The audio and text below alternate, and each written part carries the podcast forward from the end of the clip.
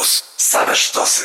Kręte ścieżki, Mateusz Kubiak z tej strony. E, Dziś e, spotkamy się po raz drugi e, z autorami książki Podróżnicy, wielcy polscy podróżnicy, którzy odkrywali świat, a tym razem nie część druga, ale książka e, niby inna, traktująca o tych, którzy nie zmieścili się e, w tamtej pierwszej, można by rzec. Wybitni polscy odkrywcy i podróżnicy. Maria i Przemysław Pielichowie, dzień dobry. Dzień, dobry. E, I e, zaczniemy tutaj e, od może ludzi, których dość e, ciężko jest na dzień dobry o nich coś powiedzieć. Jaksa z Miechowa. Przyznam, że pierwszy raz w tej książce coś więcej od nim przeczytałem, poza tym, że był. Jaksa z Miechowa, postać bardzo mało znana, do tego stopnia nieznany, że y, są dwaj ludzie. Jaksa z Miechowa i Jaksa z Kopanicy. Kopanica to jest obecnie przedmieście Berlina, obecnie Kepenik. I nie wiemy, czy to była jedna osoba, czy to były dwie różne osoby. I teraz, w polskim słowniku biograficznym są to dwie różne osoby, a w wielu encyklopediach, poważnych encyklopediach, jest to jedna osoba. Polski krzyżowiec. Wyruszył z wyprawą do Ziemi Świętej i znowu nie wiemy, czy był raz w Ziemi Świętej na wyprawie, czy był dwa razy przypuszczalnie jak dwa razy, sprowadził e, nie wiem jaką trasą. Mógł jechać konno przez Węgry do Stambułu, tam na statek, do Konstantynopola, przepraszam, tam na statek. Mógł też powędrować do Wenecji i na statek. Mógł powędrować przez całą Italię, przez całe Włochy na południe i tam siąść w którymś z portów Bari, nie Bari, Trani, w w Bari, w tym mieście Bari, gdzie jest pochowana królowa Bona, tam jest do dzisiaj ulica Krzyżowców. Ulica, którą szli krzyżowcy do portu. W, tym, w Trani, no to tragedia, później wyginęła nieomal cała wyprawa krzyżowa na zarazę w tym Trani. Z kolei, no, także nie wiemy jaką trasą. Wiemy, że kilka osób, nie wiemy dokładnie ile osób, prawda? Po powrocie sprowadził do Polski zakon, zakon strażników grobu świętego z Jerozolimy i ufundował dla nich klasztor w Miechowie. Ten klasztor i kościół przez niego fundowany są do dziś w Miechowie koło Krakowa. Bazylika Grobu e, Bożego jest, jak tam się przejeżdża. Wiem, że jest strzałka. Bazylika Grobu Bożego. Oczywiście miejsce, ten klasztor w Miechowie był miejscem pielgrzymek. Y, Dosłownie pielgrzymek, bo Ziemia Święta daleko, a tutaj ta kopia grobu świętego w Miechowie to Ale rzeczywiście w miarę starali się tam otworzyć, czy to jest takie dość luźne? Nie, nie, nie, nie. Starali się potraktowane? otworzyć. Starali się otworzyć. To przebudowywana była, jest to w miarę wierna kopia e, tej, tej, tego grobu świętego w Jerozolimie oczywiście. Jaksa z Miechowa, rycerz brał udział przypuszczalnie, znowu, nie wiemy, mm, mianowicie jest w Syrii gigantyczny zamek, Krk de Chevalier, ale to jest olbrzymi zamek, imponujący taki i Arabowie go oblegali. I ruszyła wyprawa z Jerozolimy, wyprawa chrześcijańska. Rozbili tych Arabów oblegających zamek i przypuszczalnie w tej bitwie wziął udział Jaksa z Miechowa. Przypuszczalnie. Pochowany w Miechowie, zmarł około roku 1176. Nie wiem jak wyglądał, ale to jest akurat no, trochę pech, trochę przypadek. Mianowicie ufundował kościół w dzielnicy Ołbin we Wrocławiu. Tego kościoła nie ma, ale zachował się, zachowała się część portalu, gdzie jest pokazana postać klęczącego Jaksy z Miechowa, znaczy nie klęczącej, Jaksy z Miechowa, jak wręcza model y, Matce Boskiej. I, ale twarz Jaksy z Miechowa jest zniszczona, także nie wiem jak wyglądał. Ale tutaj nowego słowa się nauczyłem, czytając o jak się zmiechowa, a mianowicie wizerunek imaginacyjny. Jeśli w XVIII wieku ktoś tam robił y, malował tego Jaksa z Miechowa i ten obraz jest do tej pory w kościele, y, w klasztorze Norbertanów y, w Krakowie, y, a rzeźba jest y, w kościele w Norbertanów w Krakowie, to jest tak zwany, przecież ten artysta nie wiedział, jak wygląda Jaksa. I to jest ten wizerunek imaginacyjny. Mnie się też ta nazwa bardzo podobała. Tak, czyli y, wtedy rozmawialiśmy przy poprzedniej książce o Janie Skolla, gdzie też e, padało hasło, że więcej o nim nie wiemy niż wiemy.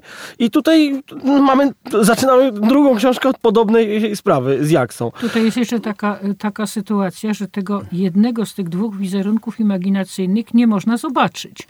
Dlatego, że obraz, portret, ten imaginacyjny portret Jaksy jest w części klauzulowej w klasztorze tych sióstr Norbertanek.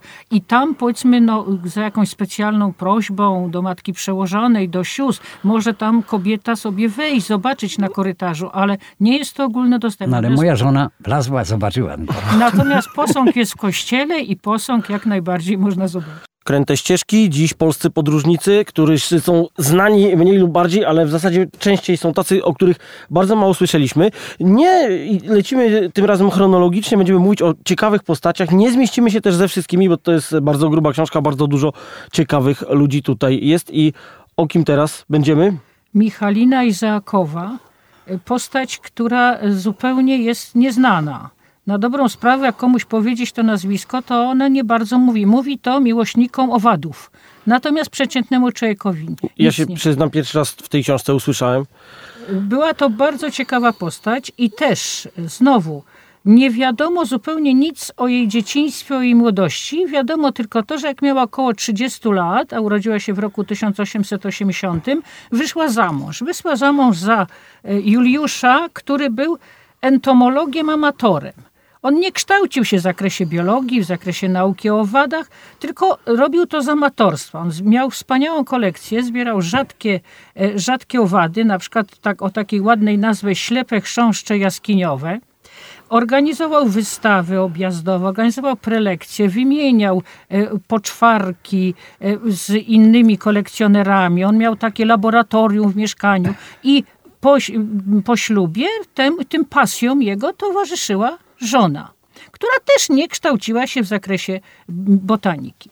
Natomiast e, kiedy Juliusz zmarł w 1924 roku, Michalina Izaakowa spełniła swoje marzenie i marzenie tego męża. Mianowicie wyrusz, rozpoczęła trzyletnie przygotowania do wyprawy i wyruszyła na wyprawę do stanu Parana na, na południu Brazylii. E, tam miała niesamowite przygody. Spotykała dzikie zwierzęta, bandytów, y, spotykała węże, miała, y, dostała udaru słonecznego, chorowała na miejscową grypę. Spotykała się z polskimi osadnikami y, i z wężami no to miała różne przygody i opisała w książce, którą znacznie później po powrocie napisała, napisała na przykład tak. Przerażona nie mogłam się szybko podnieść z ziemi, ale na szczęście nieprzyjemny gad, chodzi to o węża, cofnął się ode mnie w pośpiechu. Widać, że i ja nie zrobiłam na nim miłego wrażenia. Kiedy tam wędrowała, zajmowała się łapaniem motyli. I miejscowi to się nawet ją pytali, czy w Europie te motyle się je, no bo skoro przyszła jaka, przyjechała jakaś kobieta i tutaj łapie motyle, jeszcze do jakichś specjalnych pudełek je chowa, bo to nie mogło być kartonowe, to musiało być metalowe, żeby tam żadne robactwo ich nie zjadło, y, no toś mówili, no chyba to się je. Była taką no, wyrocznią i osobą, która udzielała rad miejscowym osobom, ponieważ tam te miejscowe dziewczyny zobaczyły w niej jakąś osobę trochę nie z tego świata, jakąś czarodziejkę, która e, tutaj, e, tutaj e, ma, przybyła z tak odległego, odległego kraju. Nazwano ją łowczynią motyli, a nazwał to tak, taki, taki przydomek, o niej tak pisał Arkady Fidler, który go notabene, notabene poznał ją już po jej powrocie do Polski. Ona tam podróżowała prawie dwa lata. E, spotykała się z polskimi osadnikami. I po powrocie, jak wróciła do Polski, no to też wybierała się na przykład w okolice Pilicy i mówiła, że w, okolicach Pilicy jest tak ładnie jak w Brazylii. No to ciekawe. A co z, to, z tymi kolekcjami? Czy one e, przetrwały te kolekcje jakoś? Ona przywiozła 15 tysięcy owadów. E, część z tej kolekcji przetrwała. No, z tym, że no, nie było to takie znowu piękne, bo w jej życiu, ponieważ ona po powrocie do Polski wszystko się pięknie układało, miała wspaniałe prelekcje, wszyscy przychodzili ją słuchać, a niektórzy to przychodzili nie po to, żeby się coś o motylach dowiedzieć. Oni przyszli zobaczyć, co to za babka, która gdzieś tam wędrowała, żeby łapać motyle.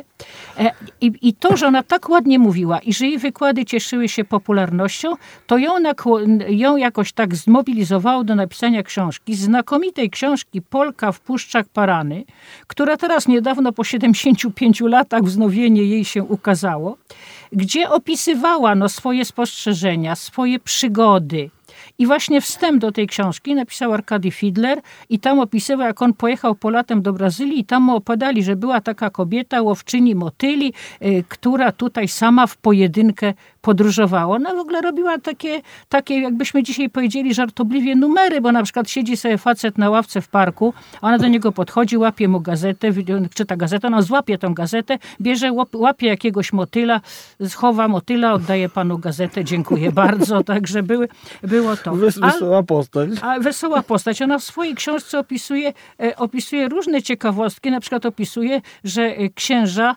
e, chowa, hodowali w doni, na kwiatach doniczkowych w domach modliszki.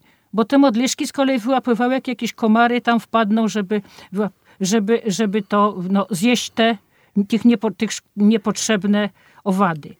Ale życie Izaakowej po raz na drugiej wyprawie niestety się skończyło. Ona w 1936 roku pojechała po raz drugi do Brazylii i zaginęła bez wieści w 1937 roku. Prawdopodobnie utonęła. Nie wiadomo, nie wiadomo dokładnie, miała 50 lat, 57 lat w, w momencie śmierci. Zachowała się no, ta znakomita książka e, Polka w Puszczach Parany. Zachowało się część artykułu, cyk, taki cykl artykułu dla dzieci do płomyczka, gdzie opisywała e, swoje wrażenia i zachowało się część z tej kolekcji, bo kolekcję z drugiej wyprawy całkowicie przejął rząd brazylijski, więc tylko pozostały owady, motyle z pierwszej wyprawy. A jak y, ktoś nie słyszał o Arkadym Fidlerze, to może słyszał o jego wnuku, który w tej audycji opowiadał, jak to maluchem jeździł po Afryce, a następnie po Azji kręte ścieżki, nasi bardzo ważni odkrywcy. E, z pewnością wszyscy znają nazwisko Piłsudski, ale nie znacie e, tego nazwiska Piłsudski, o którym my będziemy mówić, bo mówimy o bracie naszego marszałka. Starszy brat naszego marszałka, Bronisław Piłsudski, wielki patriota, piękna postać, ale znany w praktyce tylko etnografą. Do tego stopnia, że była taka niewielka sesja naukowa na Zamku Królewskim w Warszawie kilka miesięcy temu, to mnie się pytali, co to za jeden ten Bronisław Piłsudski. No to ja tłumaczyłem w tym momencie, kim on był. Był zesłańcem. Znaczy, tutaj, tutaj jest ciekawe, że on dostał większy wyrok niż brat tak naprawdę. Większy niż... wyrok niż brat i e, większy wyroki na początek e, miejsce zesłania, Sachali, wyspa Sachalin. Co było Sachalin? To było więzienie otoczone falami morskimi. Jedno wielkie więzienie. Katorżnicy, Przypomnę, że słowo katorga pochodzi z greckiego i to znaczy galery po prostu. Galernicy byli w łańcuchach, katorżnicy też byli w łańcuchach, czyli katorżnicy, zesłańcy, trochę Rosjan i trzy wymierające miejscowe plemiona, w tym Ainowie. Ale jak on tam dotarł? Statek wypłynął statek, więzienny statek z Odessy, Morze Czarne, e, kanał Suezki, Ocean Indyjski, cieśnina Malakka i w tym momencie statek był około 100 km od równika. Gorąco, 600 więźniów, i oni umierali z pragnienia. Umierali. Ilu ich umarło, nie wiem. Bronisław Piłsudski dotarł na ten Sachalin, ale ilu z tych 600 umarło, tego nie wiemy. I tak mimo woli mi się przypomina wiersz, jeśli można, wiersz Kornela Ujejskiego. Wy chcecie pieśni, wy chcecie pieśni. Zapewne wdzięcznej i słodkiej dla ucha, a ja mam dla was o mojej rówieśni pieśni, co przypomni wam brzęki łańcucha. Piękne słowa i do Piłsudskiego pasuje. On ile czasu taka podróż mogła trwać? Wtedy? To trwało bodaj dwa miesiące. Dwa miesiące. No dwa to... miesiące. Dwa miesiące. Ilu dotarło, tego nie wiemy. Na Sachalinie Piłsudskim Rosjanom tam brakowało ludzi inteligentnych, ludzi wykształconych, ludzi, którzy potrafią czytać i pisać. O, bo ci wszyscy strażnicy więzieni rosyjscy to byli prosty ludzie, z reguły kryminaliści najczęściej. I ten Piłsudski umiał, miał wykształcenie, umiał czytać, pisać, zaczął uczyć w szkole, uczył Ainów, dzieci Ainów i te dzieci Ainów jego uczyły z kolei języka Ainów. Także nawzajem się uczyli. On ich uczył języka rosyjskiego, a ci Ainowie języka Ainów czyli badania etnograficzne, związał się z rosyjskim towarzystwem geograficznym. Jest to towarzystwo do dzisiaj bardzo poważane w Rosji. Prezesem, honorowym prezesem tego towarzystwa był zawsze car, a w tej chwili prezesem jest niejaki Putin. Putin, tak, tego właśnie Znany towarzystwa. Facet. No ale później sprawy się komplikują, te badania, w Japonii również wybucha wojna, wojna przepraszam, japońsko-rosyjska, wraca do Polski okrężną bardzo trasą e, osiedla się w Zakopanem i znowu prowadzi badania etnograficzne nad górami podhalańskimi tą samą techniką, jaką badał Ainów. A zostały jakieś dzieła jego w takim razie o góralach podhalańskich? Y, I tak i nie. Zainicjował y, rocznik podhalański, ale ten pierwszy rocznik podhalański ukazał się już po jego śmierci w Zakopanem. Jest w bibliotekach y, dostępny, ale pisał, on zachowały się.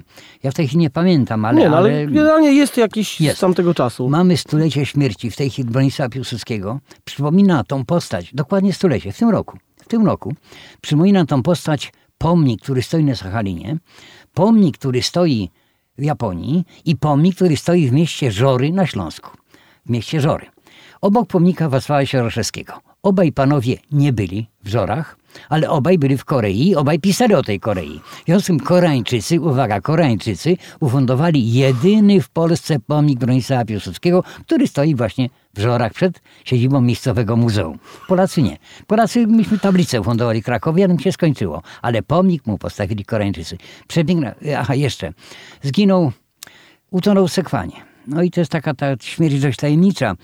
No, oficjalna była wersja, że popełnił samobójstwo. Świetnie pływał, to nie było samobójstwo, po prostu on chorował, tracił przytomność i przypuszczalnie stracił przy, przytomność i spadł z mostu i utonął. Tak przypuszczalnie było, bo samobójstwo to na pewno jednak nie było.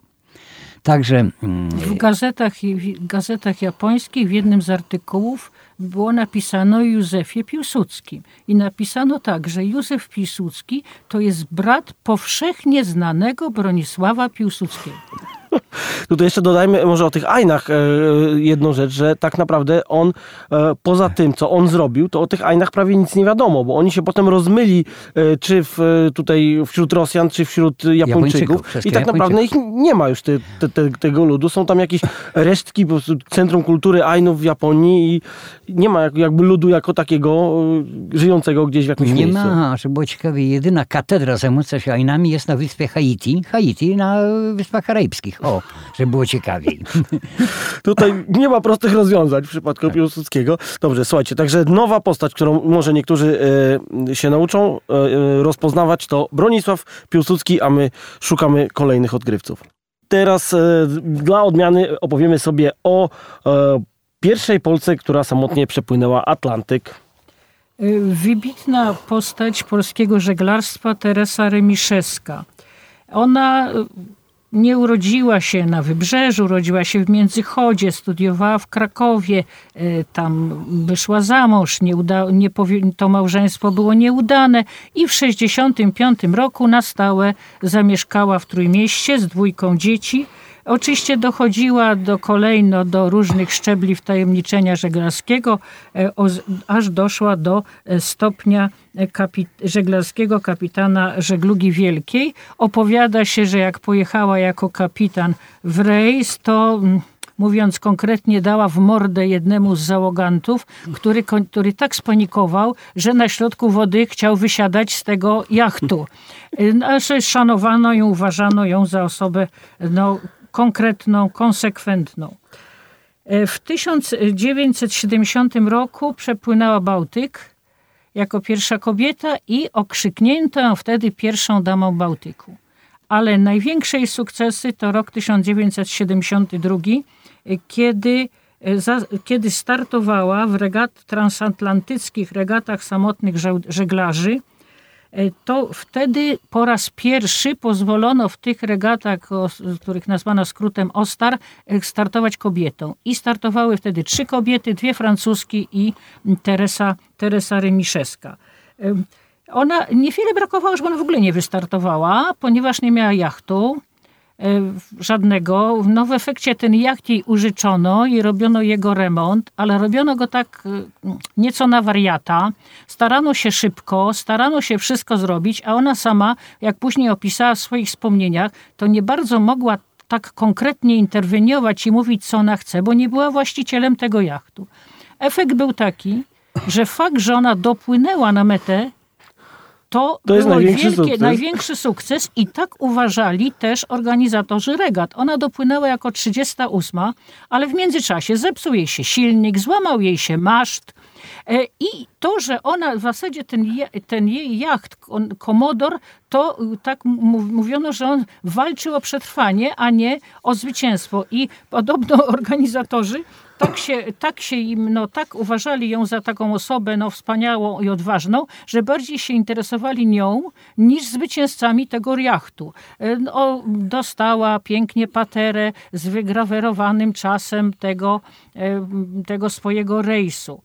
No i jeszcze jedna piękna rzecz.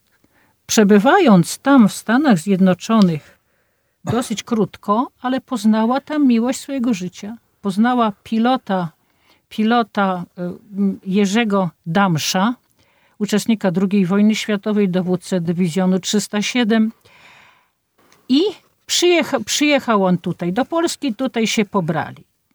Y, Małżeństwo było bardzo szczęśliwe. Y, Dzieci Teresy Remiszewskiej, żyjące osoby, syn i córka, podkreślają, że była to naprawdę miłość życia ich matki, ich ojczym, więc jak to ładnie, że w ten sposób o nim mówią. Ale ten przyjechał, zresztą był to Polak, ale przyjechał ze Stanów Zjednoczonych. No to musiał być taki może trochę podejrzany dla ówczesnych władz. I Teresa Remiszewska miała wielkie marzenie, rejs dookoła świata. Ale znowu, nie miała jachtu. Nie było zgody. Potem ta zgoda była, ale znowu z tym jachtem, a to taki, a to nie taki, a to przebudowa. I Teresa Remiszewska w pewnym momencie jakichś wywiadów powiedziała tak, dajcie mi nawet balię, ja muszę popłynąć w ten rejs.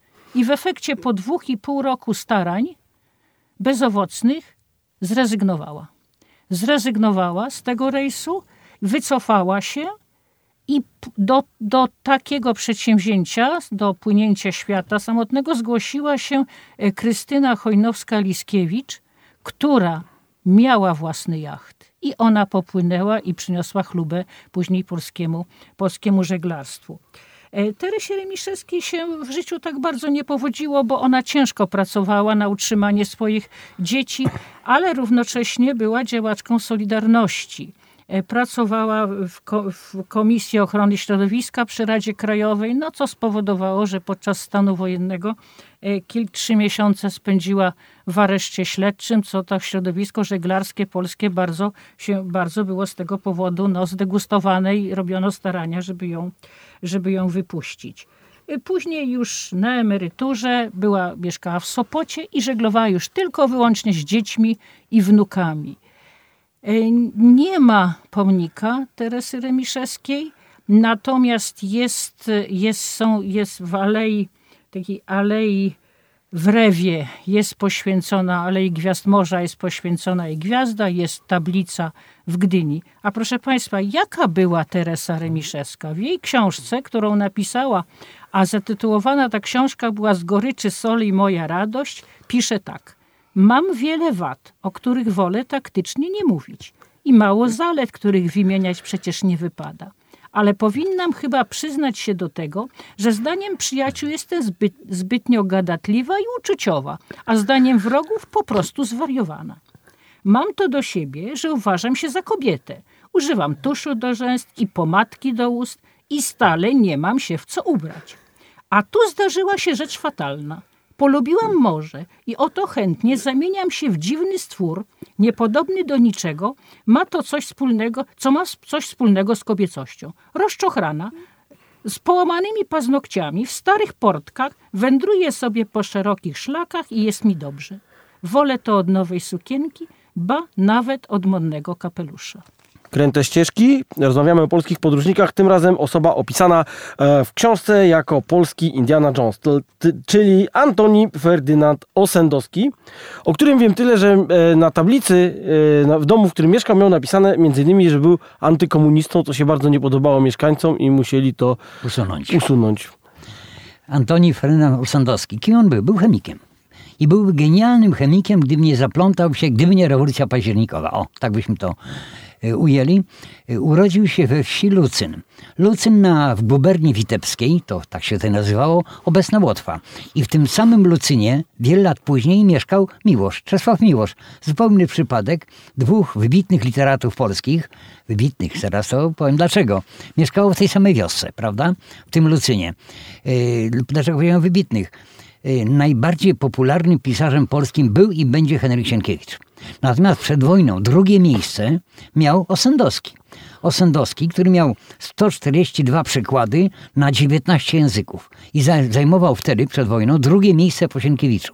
W tej chwili jest mało znany, bo autor książki Lenin, antykomunista, prawda, taki wojujący antykomunista, yy, no, on się tego tak niechętnie przyznaje, ale on zabił w walkach yy, sporo bolszewików, tylko on tak jakoś tak nie przyznaje się do tego. W każdym razie chemik już w młodości podróżował.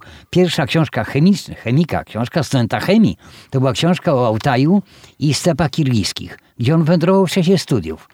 Później yy, rewolucja październikowa, on uchodzi na Syberię i tak dalej, przesuwa się stopniowo na wschód, coraz dalej na wschód, w stronę Mongolii.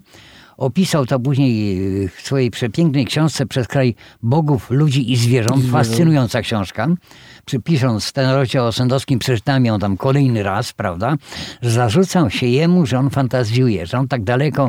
On pisze, że on dotarł, y, ruszył z Mongolii na południe, chciał się przedostać do Birmy przez Tybet i zawrócił w pewnym momencie. Y, on twierdzi, że był w Tybecie. Źródłowy odcinek rzeki, rzeki Żółtej Rzeki, przepraszam.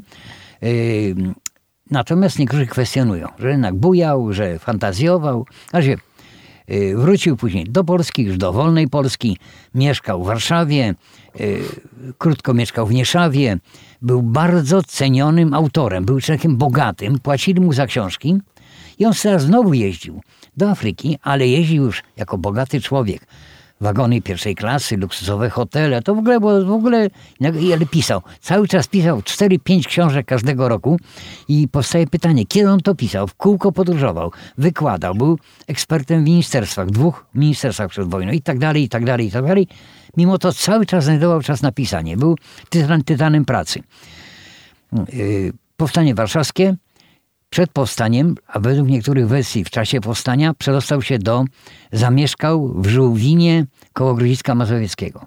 Tam zmarł. Tam gram w piłkę, więc bliskie mi to miejsce. Tam został pochowany i y, pochowany Milanówku. Milanówku, Milanówku tak. I y, Rosjanie go poszukiwali. Autora książki Lenin poszukiwali go, weszli do Milanówka, zaraz w styczniu 1945 roku dowiedzieli się, że Osendowski nie żyje. No i chcieli to sprawdzić, chcieli mieć pewność, że nie żyje.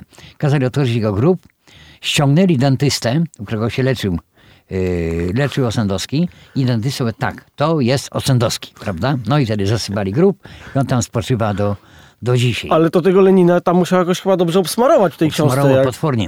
Dla nas Stalin to jest morderca, a Lenin to jest taka postać raczej sympatyczna, spokojnie. Był taki moment, kiedy po rewolucji październikowej dwa miliony dzieciaków sierot, sierot wałęsało się po Związku Radzieckim i tak kradli, napadali, byli głodni, prawda?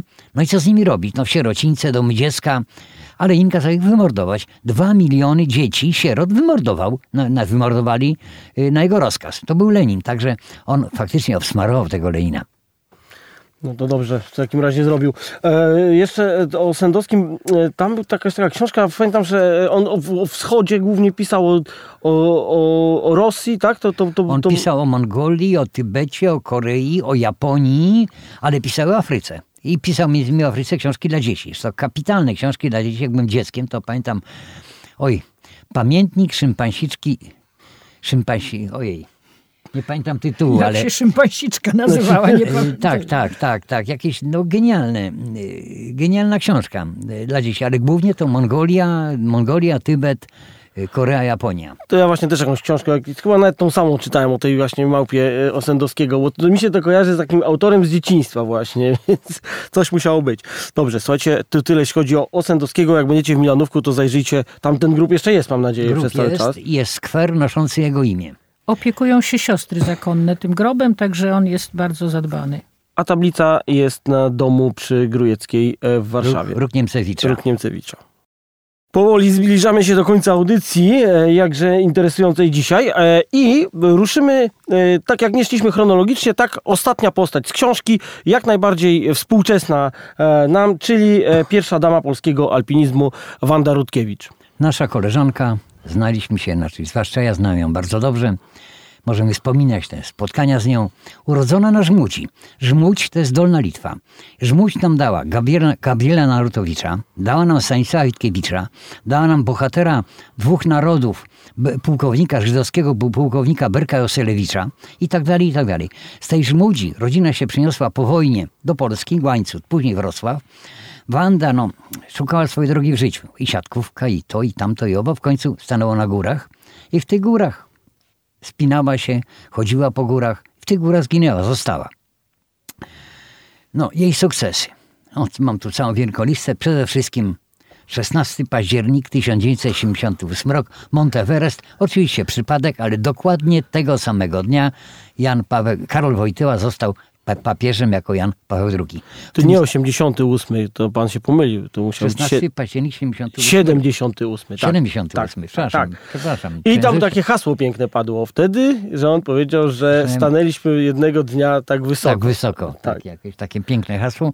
W tym samym 78 roku pani yy, Liskiewicz. Pani Chojnowska-Liskiewicz, Krystyna Chojnowska-Liskiewicz. Jako pierwsza Polka opłynęła świat pod żaglami. To jest to, co nie udało się Teresie Remiszewskiej. Remiszewskiej. Tak, kto słuchał, ten wie o co chodzi. E, tu mam całą wielką listę tych osiągnięć Wandy no to, Rutkiewicz. Proszę bardzo. G genialny, no, Aconcagua w Kordylierach, rok 1985. A Kaukaz 1981 wcześniej złamała nogę, były problemy, dwa lata się leczyła. Jest jej, jej słynne zdjęcie w Karakorum, może Karakorum, na ogół się myli. Himalaje, Karakorum są to dwie zupełnie różne rzeczy, zupełnie różne góry, ale to skrajnie różne. Karakorum są góry pustynne na początek, a Himalaje są pełne zieleni. Gdzieś tam wysoko są lodowce, jasne, ale niżej wszędzie lasy. To jest zupełnie co innego. I jest takie zdjęcie, rok 1982, wyprawa na K2, K2 drugi co do wysokości szczyt ziemi właśnie w Karakorum. Jest to zdjęcie, jak Wanda Rutkiewicz w tych górach dość wysoko chodzi o kulach. O kulach Słynne Także, zdjęcie, tak. Słynne zdjęcie. W 1979 roku w Muzeum Sportu i Turystyki w Karpaczu była eksponowana taka czasowa wystawa Polska, Polka na szczycie świata. I w księdze pamiątkowej wpisała się Wanda Rutkiewicz.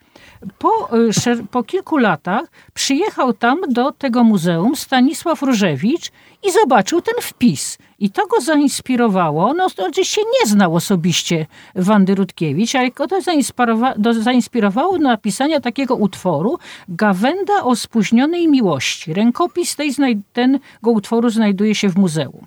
I poeta wypowiadał się, że to nie jest spóźniona miłość do Wandy Rutkiewicz, ale do karkonoszy, do krajobrazów, do roślin, a Wanda Rutkiewicz występuje tutaj w tle, no jest zarazem osobą tego poematu. I to taki był fragment. Przed laty, przeglądając poranną gazetę, dowiedziałem się, że kobieta z Wrocławia zdobyła Monteverest. E, Wanda Rutkiewicz miała ukochanego psa Yeti i jej siostra w wywiadzie telewizyjnym nie tak dawno powiedziała, że w domu panowała taka hierarchia – że na pierwszym miejscu była Wanda Rutkiewicz, potem jej pies, a potem reszta rodziny. E, bardzo w muzeum we Wrocławiu, w wrocławskim ratuszu, w Galerii Wielkich Wrocławian znajduje się bardzo sympatyczne popiersie Wandy Rutkiewicz i jest tam rzeczywiście do siebie podobna, rzeczywiście była e, piękną kobietą. No troszkę w życiu osobistym jej się nie, nie to co popiersie ten Krystyny Szewińskiej, która ostatnio wyszło takie, tak. co się nie udało troszeczkę. Tutaj nie, ta... E, pytanie od znajomych różnych miałem przed tym, jak to dokładnie było z, z jej śmiercią, bo to się z nią skończyło tak, że jej nigdy nie odnaleziono, tak? I nie odnaleziono, to się mówi zaginęła. Nie zaginęła, tylko zginęła. E, to jest legenda, że ona przeszła na drugą stronę Himalajów i gdzieś żyje w klasztorze buddyjskim w Tybecie. Nieprawda, to jest niemożliwe. Ona zginęła. To tak jak Elvis też podobno nie, żyje, tak? No, tak, nie wiemy Elvis wiecznie kiedy. żyje. Wiecznie żyje. 12 lub 13 maja 1992 spoczywa Kanchenjunga, trzeci co do wielkości szczyt świata nad miastem o nazwie Darjeeling, tym od herbaty, prawda? Wznosi się ta Kanchenjunga, przepiękna góra i gdzieś tam spoczywają polscy alpiniści, w tym e, Czok, Andrzej Czok i w tym y, Wanda Rutkiewicz. Kanczenżanga. jest postacią znaną. W tej chwili w są dwie książki jej poświęcone, w tym taka książka pani Elżbiety Sieradzińskiej, która ukazała się dwa tygodnie temu, miesiąc temu. Olbrzymia, gigantyczna księga, ją tylko przekartkowałem, ale ta książka budzi zaufanie i to mogę ją tu polecić. Yy, co jeszcze o Wandzie? No może wspomnienia, jeśli można. Proszę prawda? bardzo, bo- Schronisko w Morskim Oku, schronisko nieczynne, w związku z tym mieszkają w nim tylko krewni i znajomi, prawda? W tym Wanda Ruszkiewicz z tym psem Yeti, my z synem, wpisała się Wanda synowi do pamiętnika. Także mamy taki autograf i on jest rzeczywiście wielką taką rodzinną pamiątką. Nieżyjący już Wojtek y, Łapiński, kierownik schroniska, jego ojciec Czesław Łapiński, wybitny alpinista, też nieżyjący. I wreszcie dyżurny ratownik, no, mój kolega, serdeczny kolega, nasz kolega, Michał Jagiełło, też nieżyjący, prawda? Dyżurny ratownik GoPru, y, prawda, w tym Morskim Oku i takie były bardzo sympatyczne wieczory. Zbieraliśmy, gadaliśmy się, prawda? Mamy takie fajne wspomnienia, akurat nie dotyczy to bezpośrednio Wandy Rutkiewicz, ale był, był sygnał, że coś się dzieje w, w bliskich okolicach Morskiego Oka i dyżurny ratownik, którym wtedy był pan Michał Jagiełło, wybierał się, no, żeby iść interweniować. A nasz mały syn był taki malutki, nagle siedzi na łóżku i zaczyna się ubierać. Co ty robisz? Pytamy. Ja idę z panem Michałem na akcję. No, no oczywiście został później przy radiostacji z tatą. I No ale w akcji brał udział. Tak, Wanda Rutkiewicz ma symboliczny grób we Wrocławiu. Ma, tu żona wspomniała, po piersie w ratuszu we Wrocławiu. I ma tablicę w Warszawie, ale tak, to jest Instytut Maszyn Matematycznych, gdzie ona pracowała, na Krzywickiego.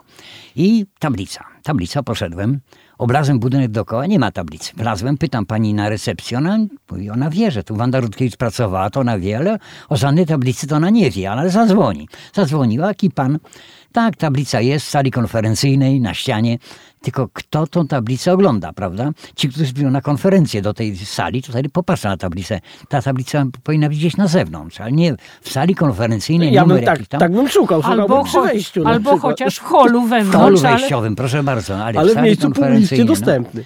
Oczywiście to jest moje prywatne zdanie. Ale to jest zdanie, myślę, ja podzielam i reszta słuchaczy też. Yy, teraz tak, musimy powoli kończyć, ale powiedzmy sobie szczerze, że myśmy ruszyli nawet chyba mniej niż jedną trzecią tej książki, tak naprawdę, bo tutaj jest sporo jeszcze e, innych e, postaci.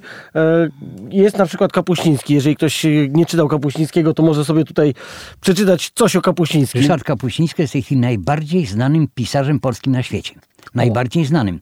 E, Podobno nawet wyprzedza Miłosza. Podobno. E, W każdym razie pamiętam w księgarni w, w Hiszpanii wzięli chyba 10 książek Kapuścińskiego. No bo Także- w krajach e, tych akurat e, hiszpańskojęzycznych on jest bardzo popularny. Tak, bardzo popularny. No cóż, mm, 28, 28 podróżników opisanych w tej książce. 28. Myśmy mówili o kilku tylko. Ale taka pani Ewa Dzieduszycka, pierwsza Polka w Himalajach. Taka pani e, Teplic-Mrozowska, Jadwiga Teplic-Mrozowska, Mrozowska. w ogóle nieznana postać, e, pierwsza Polka w Pamirze. Wędrująca aktorka. Wędrująca aktorka, wybitna polska aktorka kiedyś tam. Y, Później, no taki Józef Szczepan Kowalewski, w ogóle nieznany w Polsce. Dobra, gdybyśmy pojechali do Mongolii, Ulan Bator, stolica Mongolii, Mongolska Akademia Nauk i wisi w sali wielki portret Józefa Kowalewskiego.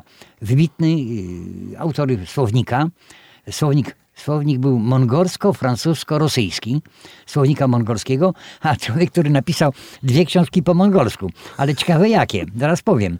Y, Historia Starego i Nowego Testamentu, to jest jedna książka po mongolsku. I druga o potrzebie szczepienia ospy, y, też po mongolsku. Mam nadzieję, że nie No, to antyszczepionkowcy, słuchajcie, po mongolsku nawet jest, że się można szczepić. No, warto też mm, o jakichś kobietach. Maria Czaplicka, e, antropolog, wybitna znawczyni Syberii, nazwana przez swoją biografkę skłodowską antropologii. E, Oczywiście są też e, ciekawi, ciekawe postacie. Malczewski, Antoni Malczewski. Jak komuś powiedzieć Antoni Malczewski, to powie poemat Maria autor poematu, ale zarazem wybitny, wybitny polski alpinista, y, który, który jako pierwszy przekroczył 4000 metrów nad poziomem morza. Był to alpinista jednej wyprawy autor jednej powieści poetyckiej. Tak można o, o nim powiedzieć. Genialna, genialny alpinista. Wejście na Mont Blanc jeszcze nie było takie trudne, natomiast nad Chamonix wznosi się taka góra Aiguille Midi iglica taka, dosłownie skalna iglica, on na nią wlazł, jako pierwszy człowiek. To nas teraz można ją po, po tym poznać, że tam wchodzi taka kolejka i przechodzi To- to- taka to- to- galeria przez, przez ten... dokładnie to, dokładnie to. przez tą górę, tak O- dziwnie on, dość. y, polscy alpiniści typu Andrzej Zawada, jak piszą o Malczewskim, piszą z wielkim szacunkiem.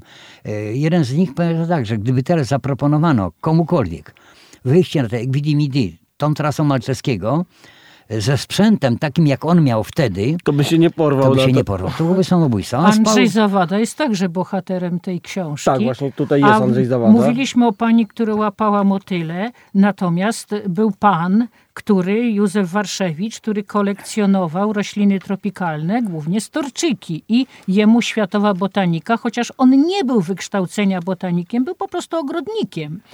Wspaniałym, zresztą podobno miał świetną rękę do roślin. On do Europy przysłał no, kilkaset gatunków tropikalnych roślin, w dużej mierze storczyków. Jedna z tych roślin rośnie do dziś w parmiarni w ogrodzie botanicznym w Krakowie i jest jako chroniona jako pomnik przyrody. O, Ale to nie jest jakaś duża nie, roślina. to jest du- dość duża, taka półtora metra, dwa metry. E. Dobrze, słuchajcie, tutaj książki nam dzisiaj chrzęszczą e, przewracane strony. Także e, rozmawialiśmy o książce Wybitni polscy odkrywcy i podróżnicy, która jest kontynuacją e, książki e, Wybitni polscy odkrywcy i e, podróżnicy. Tak, wielcy polscy podróżnicy, którzy odkrywali świat. Tak to wygląda. Dwie książki. A znowu pewnie zostało coś, co nie weszło do tych książek, jak znam życie. Czy już wszystkich wykorzystaliście Państwo? Nie, to niemożliwe. Polskich podróżników było setki. Taki jest kraj Jakucja, równo 10 razy większy od Polski. Y, Kraj praktycznie do dzisiaj bezludny. Tam i- niecały milion ludzi I mieszka. 20 polskich uczonych badało kulturę, przyrodę, geografię, środowisko tej Jakucji. 20 polskich uczonych. W tym Wacław Sieroszewski, o którym my piszemy e, w pierwszej książce. książce. tak, uczony, no. Przecież on nawet matury nie miał. Niemniej napisał monografię kraju Jakutów, naprawdę świetną. Książka 12 lat kraju Jakutów. Sior- Także nie, nie, jest jeszcze bardzo wielu podróżników, w tym taki powiedzmy Kopeć, wzięty do niewoli pod y, Maciejowicami, powędrował na Kamczatkę, i tak, y, badał, wędrował po tej Kamczatce, później wrócił, napisał przepiękne e, wspomnienia, wielokrotnie wydawane. Generał Józef Kopeć, prawda, dla przykładu, zupełnie dla przykładu. Także, Także jest szansa na jeszcze jedną książkę kiedyś. bardzo byśmy chcieli. Dobrze, my też bardzo tutaj chętnie e, zapraszamy. E, Gośćmi byli dzisiaj e, Maria i Przemysław Pilchowie. To była druga już książka o podróżnikach polskich. Do usłyszenia. Do Pa. usłyszenia. Do usłyszenia, dziękujemy. Radio Campus 97 i 1 FM.